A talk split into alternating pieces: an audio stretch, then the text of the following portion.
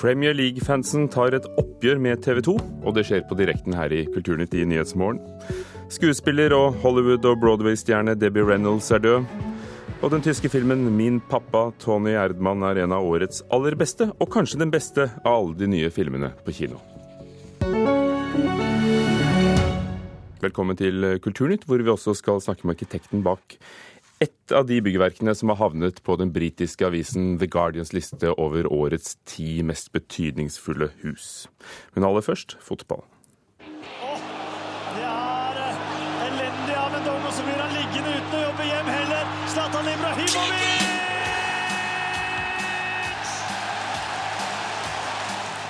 Mané.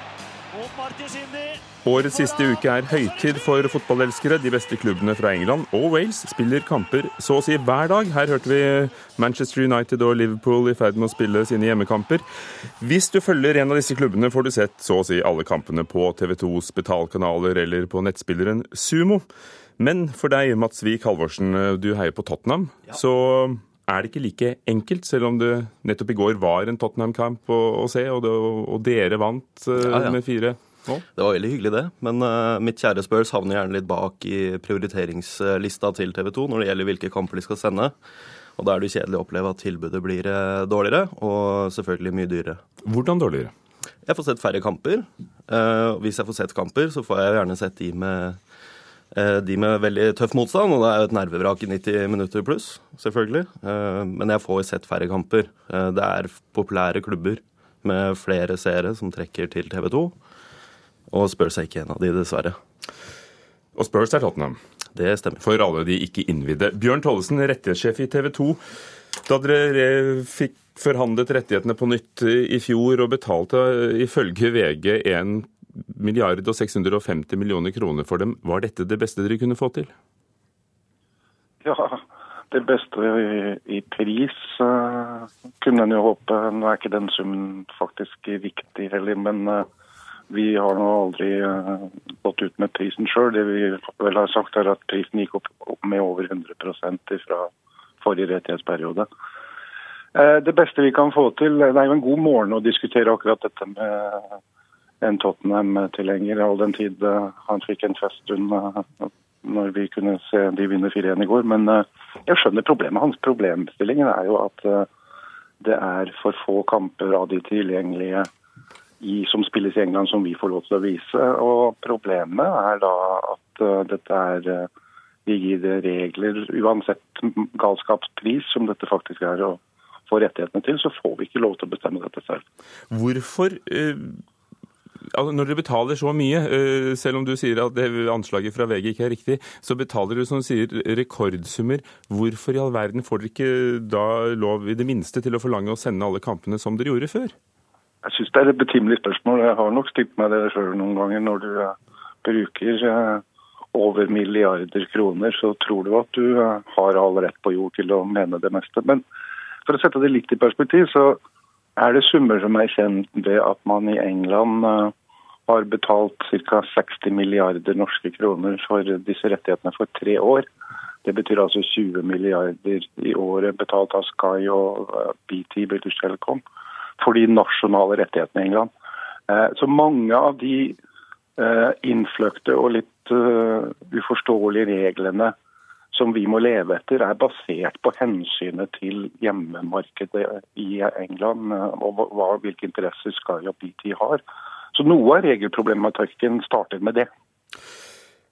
Mats Halvorsen, eh, nå har vi snakket om hva det koster for TV-kanalene, men, men for deg og for vi, oss som vil se, så koster det altså 449 kroner i måneden for et eh, abonnement på TV2 Sport Premium, eller Sumo koster rundt 400 kroner.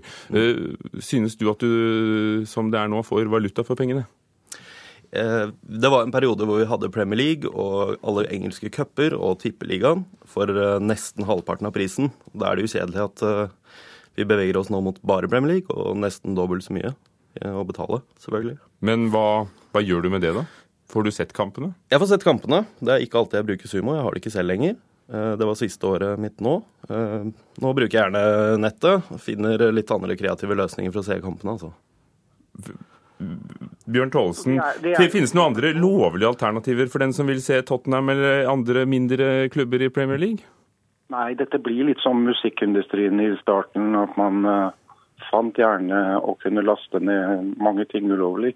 Det som er beklagelig i forhold til mye av den piracy-virksomheten som pågår, og jeg forstår at den Mats og flere blir litt både desperate og forbannet inne på dette her, så prøver man å finne løsninger. Det som er litt synd og ille med akkurat det, er jo det faktum at man gjennom denne piracy-virksomheten på nettet ofte er med og støtter en virksomhet som uh, faktisk uh, i mange henseender ikke engang tåler dagens lys. Altså Det er jo på en måte Mange av de som driver sånne type nettsteder, er jo rensparka kriminell virksomhet. og Det er jo også synd at man på en måte indirekte bidrar til å støtte det.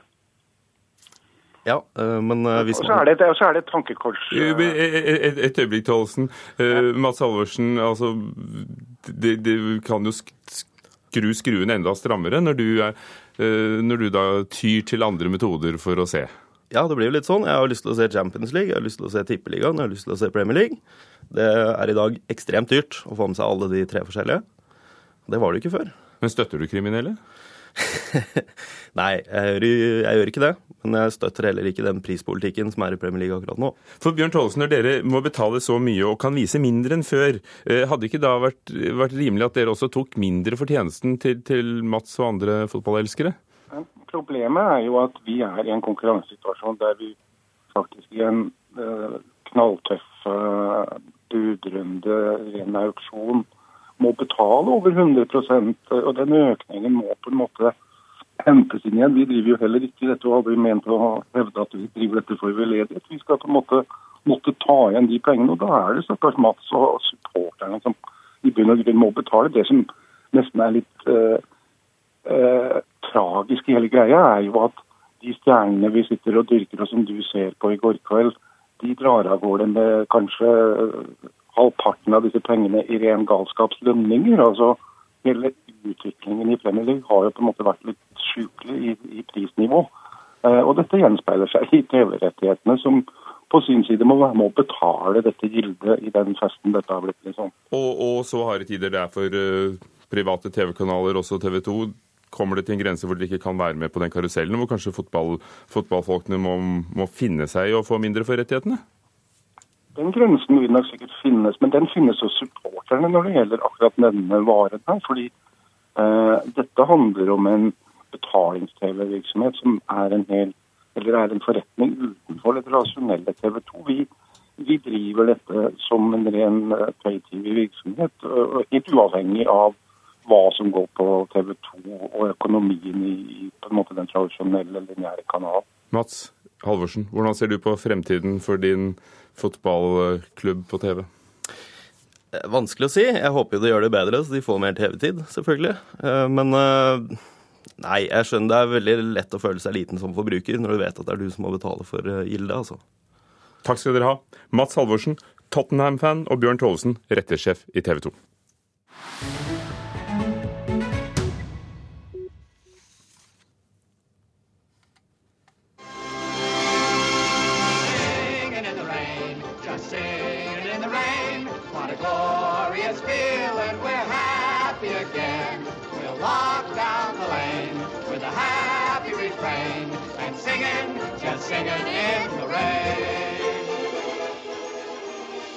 Den amerikanske skuespilleren Debbie Reynolds er død, 84 år gammel. Ikke minst kjent for eh, sin rolle i 'Singing in the Rain', som vi hørte fra her, fra 50-tallet. Hun døde dagen etter at datteren, Star Wars-skuespiller Carrie Fisher, gikk bort. Eirin Venås Sivertsen, hva har skjedd?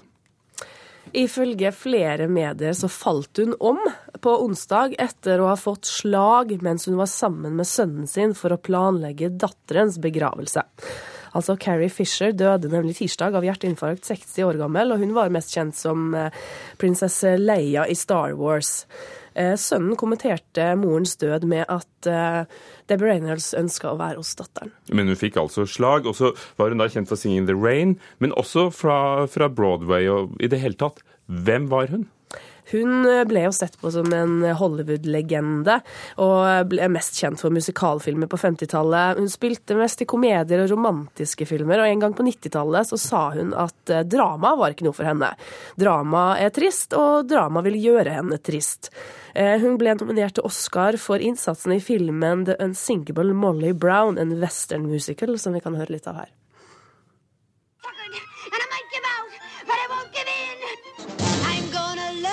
To read and write. I'm gonna see what there is to see. How long you been there?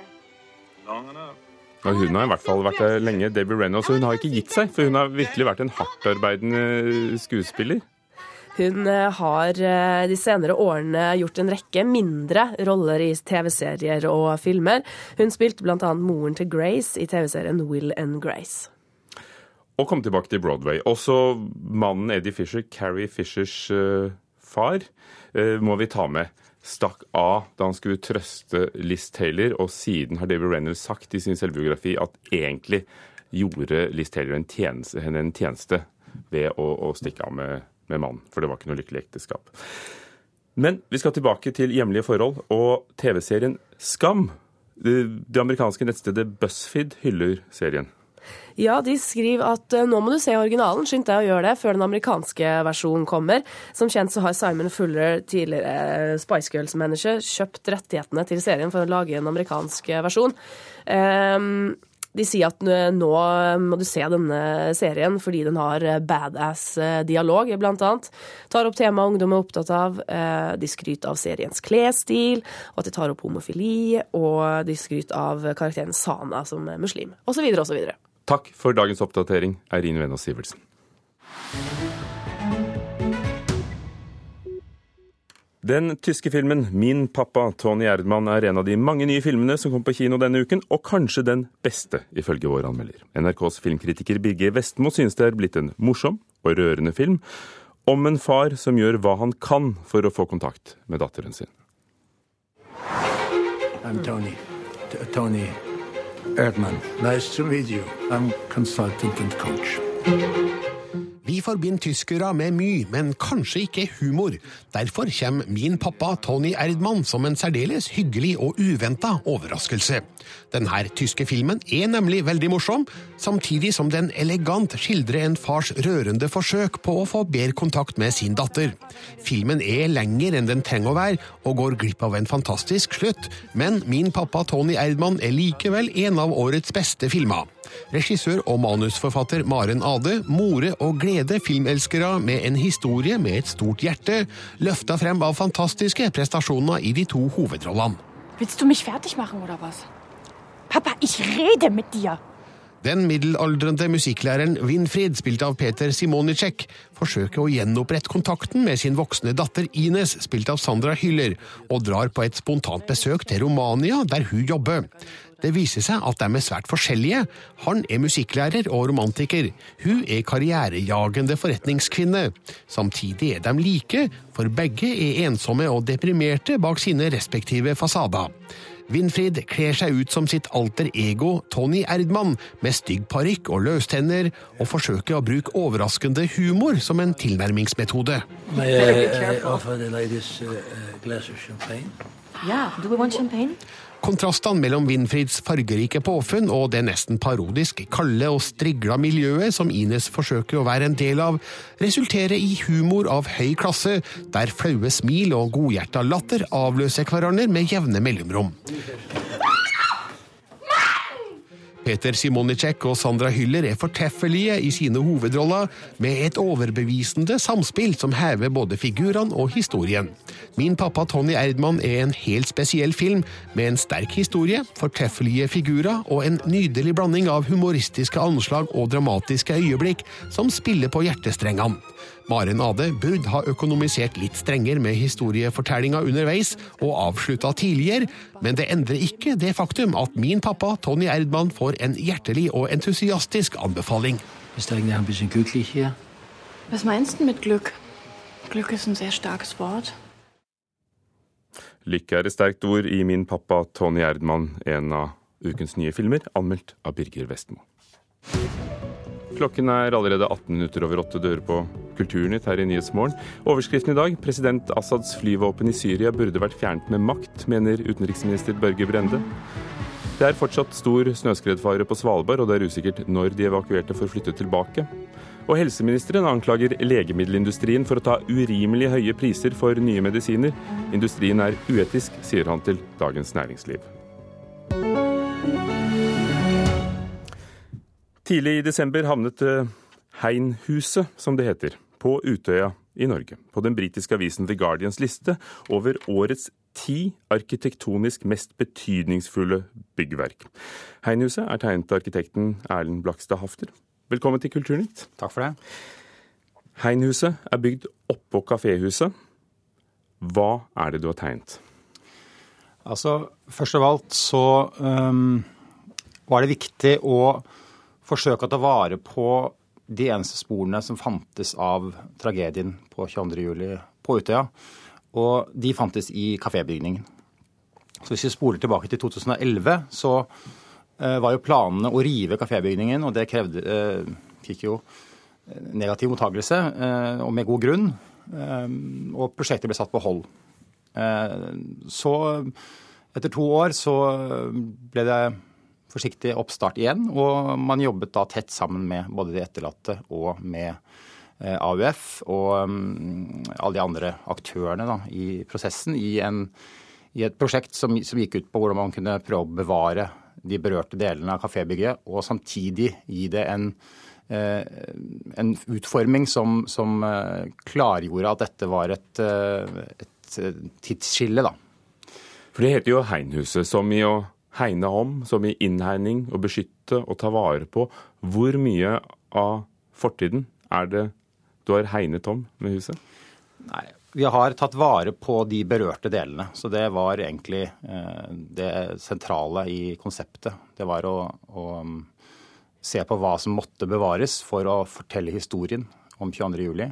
Eh, men eh, ikke bare de eh, delene som eh, var åsteder, men også de stedene som, som, som, var steder for overlevelse. Det var 19 stykker som gjemte seg på toalettene. Eh, og det var vinduer som man hoppet ut av i, i sikkerhet. Så, så vi tok vare på, på de berørte områdene som, som, var viktige for å ha med oss videre. Hvordan ser det ut nå? Altså Helt sånn konkret sett så er det Den gamle bebyggelsen står der midt inne i et nytt bygg. Så den nye bygningsmassen eh, vi har oppført på Utøya, er jo i tillegg til Heinehuset en del praktisk fasilitering. Så det er spisesaler, konferansesaler og, og kjøkkener og møterom osv. Og, og de eh, ligger i en ny akse. Eh, en himmelretning omtrent rett nord-sør. Eh, og den nye bebyggelsen rundt kafébygningen ligger i den samme aksen. Så den representerer et tidsskifte. Så man leser dette klart som et, et brudd eh, og noe tilført. Så når man kommer dit, så ser du ikke først kafébygningen. Eh, men når du begynner å bevege deg rundt i landskapet på teltplassen eller rundt det nye torget som vi har oppført, så trer deler av denne bygningen frem da, inni det nye. Og så, Erlend Blakstad Hafsner, havner du da på The Guardians arkitekturkritiker Oliver Wainwrights liste over de ti mest betydningsfulle husene som er bygd i verden det siste året, sammen med de kjente arkitektene Herzog og de Meuron, som har tegnet uh, nytt Tate-museum i, i, London. Hva, hva, gjør det med deg som arkitekt? Nei, altså Det er veldig hyggelig, selvfølgelig. Um, rent personlig så, så var det faktisk viktigere for meg å få en klem av en av de eh, etterlattes foreldre på 22.07. Eh, i år. Eh, det rørte meg mye mer. Men det er klart at man, man, blir, jo, man blir, jo, fornøyd med en sånn, med en sånn heders, hedersbenevnelse som, som, det representerer. Og Det er jo også nominert til EUs arkitekturpris, Mies van der Rohe-prisen. Du sa at det var en vanskelig start. Mange ville rive kaféhuset. Det var eh, mange som ble drept der. Eh, vi så bildene da Utøya ble åpnet igjen, eh, at det er en sterk historie som fortelles med den utstillingen som Atle Aas har tegnet inne i, med SMS-er fra, fra, de som gjemte seg i, i huset. Hvordan jobbet du med folkene som skulle bruke huset for å komme frem til det du har laget? Altså, vi satt, Jeg husker vi hadde et møte på Youngstorget, og det var veldig fastlåst. Fordi vi måtte, eh, vi måtte finne en løsning for de etterlatte. Vi måtte finne en løsning for de som overlevde eh, også. Det var jo 495 som overlevde den katastrofen som bærer på det minnet hver dag. Eh, og vi måtte også finne en, en løsning som, som, eh, som, kunne gi dette her en, en ny drakt da, som forenet dem. Så eh, det var veldig fastlåst, fordi det fremsto som at vi måtte rive kafébygningen eller beholde den.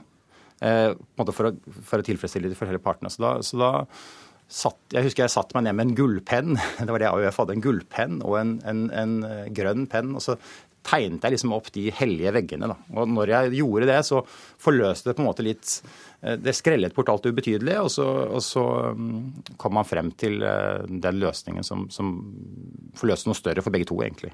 Og det er det The Guardians kritiker kaller i Aftenpostens oversettelse et sjeldent eksempel på et minnested over et terrorangrep fritt for sentimentalt sludder eller sensasjonalisme. Hva syns du om det? Nei, Det syns jeg er hyggelig å høre. Eh, og det er jo litt i tråd med hvordan prosjektet er. Jeg har jo ikke ønsket å overspille eh, de arkitektoniske eh, finjusteringene, kan du si. Altså I det så syns jeg at, at tragedien har et såpass sterkt budskap, og alle de fortellingene rundt det er såpass sterke. Så, så det som tilført er ganske brutalt og, og rått. Eh, og det, tror jeg, det føler jeg han har lest eh, på en god måte. Takk skal du ha, arkitekt Erlend Blakstad Hafner. Takk.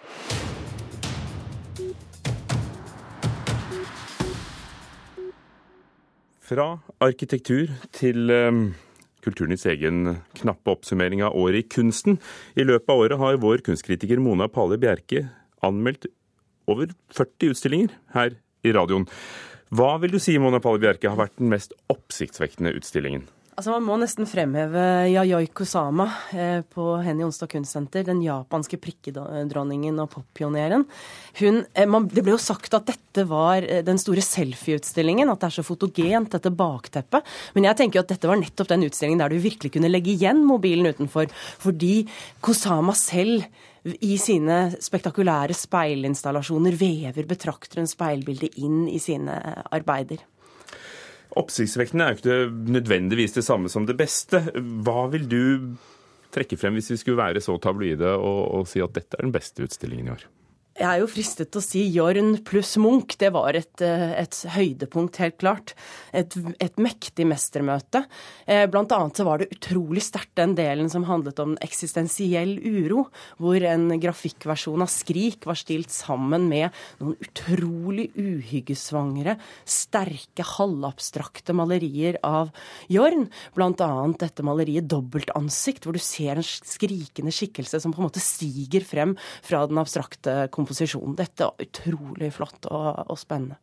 En begivenhet vi husker du nevnte med begeistring og, og, og, fine ord, var Bergen Assembly. Ja, det var mye opp og ned på Bergen Assembly, men en utrolig flott, eh, en utrolig flott utstilling var den som handlet om hørsel og lyd i Sentralbadet i Bergen, der jeg bl.a. fikk en lydmassasje med hørselvern og bind for øynene, fikk oppleve hvordan man kan lytte med ryggraden, med håndflatene. Eh, det var en kjempeminneverdig. I tillegg så vil jeg jo nevne Trondheim kunstmuseum, som hadde utstilling med den canadiske kunstneren Melanie Gilligan. En eh, science fictions visjon laget som en TV-serie, hvor hun eh, reflekterer over fremtidens teknologi. Blant annet da en innretning som hun kaller The patch, som var da man kunne trykke opp i ganen, og som gjorde at man kunne kjenne rent fysisk andre menneskers følelser. Veldig interessant utstilling. Hva synes du om aktivitetene i museene hvis vi zoomer ut? Ja, det, jo, det, har jo vært litt labert her og der. Både på Kode, kunstmuseet i Bergen, har det ikke, eller har det ikke vært sånn kjempe de store titlene. Kanskje også eh, Trondheim kunstmuseum hvor det har vært eh, oppussing. Men det er klart at eh, Nasjonalmuseet har jo hatt et ålreit år. Eh, de har jo bl.a. hatt da nå sist eh, eh, Sissel Påske, den glemte poppioneren, som er kjent for sin store skulptur av en avbrent fyrstikk, og som også så, har et sånt rikt formangfold med keramikk keramikk. Hun er jo også, var jo også grafisk designer og smykkekunstner. En kjempeflott uh, utstilling. I tillegg så hadde de jo denne uh, interessante og praktfulle Japan-utstillingen, Japanomania. Men jeg må jo si at jeg da stusset ved at når man da skaper det man kan si i en viss forstand er et bilde av Østen, eh, skapt av Vesten, at man ikke også problematiserer den tradisjonen da, som japonismen stiller seg inn i. Men du likte er- utstillingen? Jeg likte utstillingen. Hvilket av museene eller galleriene, når du tenker på alle, alt det du har sett, har utmerket seg spesielt? Jeg vil jo si Henny Onsdag Kunstsenter, for det var ikke bare Kosama-utstillingen, men også den flotte Nikolai Astrup-utstillingen, hvor de klarte å aktualisere eh, denne kunstneren opp mot samtidskunsten med bærekraft og økologiperspektiver. Det var en veldig, veldig fin utstilling. Det er jo selvfølgelig alltid fristende å snakke om det som har vekket størst glede og begeistring, men det hender jo det møter skuffelser. Ja, jeg vil, jo, jeg vil jo fremheve Mapletorp pluss Munch som en sånn årets skivebom. Eh, Det var en veldig spesiell sammenstilling. Eh, Altså det, jo, det var jo veldig vellykket med Melgaard og Munch og hele den, eh, altså den skamfylte seksualiteten som begge de på hver sin måte skildrer. Men hos Mapletorp så opplever jeg at han i hans da hyperestetiske svart-hvitt-fotografier er opptatt av kroppen som et skinnende skall. Mens Munch er ikke opptatt av kroppen på den måten i det hele tatt. Han er opptatt av menneskets sjelsliv. Han er opptatt av eh, menneskenaturens mørke understrømmer. Og jeg, tenker at dette er to kunstnere som er på hver sin planet, rett og slett. Og det ser vi jo veldig i sammenstillingen mellom da dette eh, sadomasochistiske motivet hvor eh, Mapletorp selv har da en veldig sånn ruglete pisk ut av rektum, som da var stilt sammen med Munchs vampyr, eller kjærlighet og smerte, som opplevdes som en fullstendig absurd sammenstilling. Hmm. Så hvis vi skal eh, oppsummere, hva slags eh, kunstår har 2016 Jeg vært? syns at 2016 har hatt veldig mye flott å by på på, på kunstens område, og nå gleder jeg meg veldig til et nytt og spennende kunstår. Lover det godt? Ja, det, det må jeg gå inn i nå, men det, det lille jeg har sett, så ser det bra ut. Mona Palle Bjerke, Kulturnytts kunstkritiker, takk for at du, du kom og, og gjorde opp eh, regnskap med oss her i dag. Espen Alnes var produsent for Kulturnytt. Ugo Fermarello programleder. Du hører på Nyhetsmorgen frem til klokken ni her i NRK P2.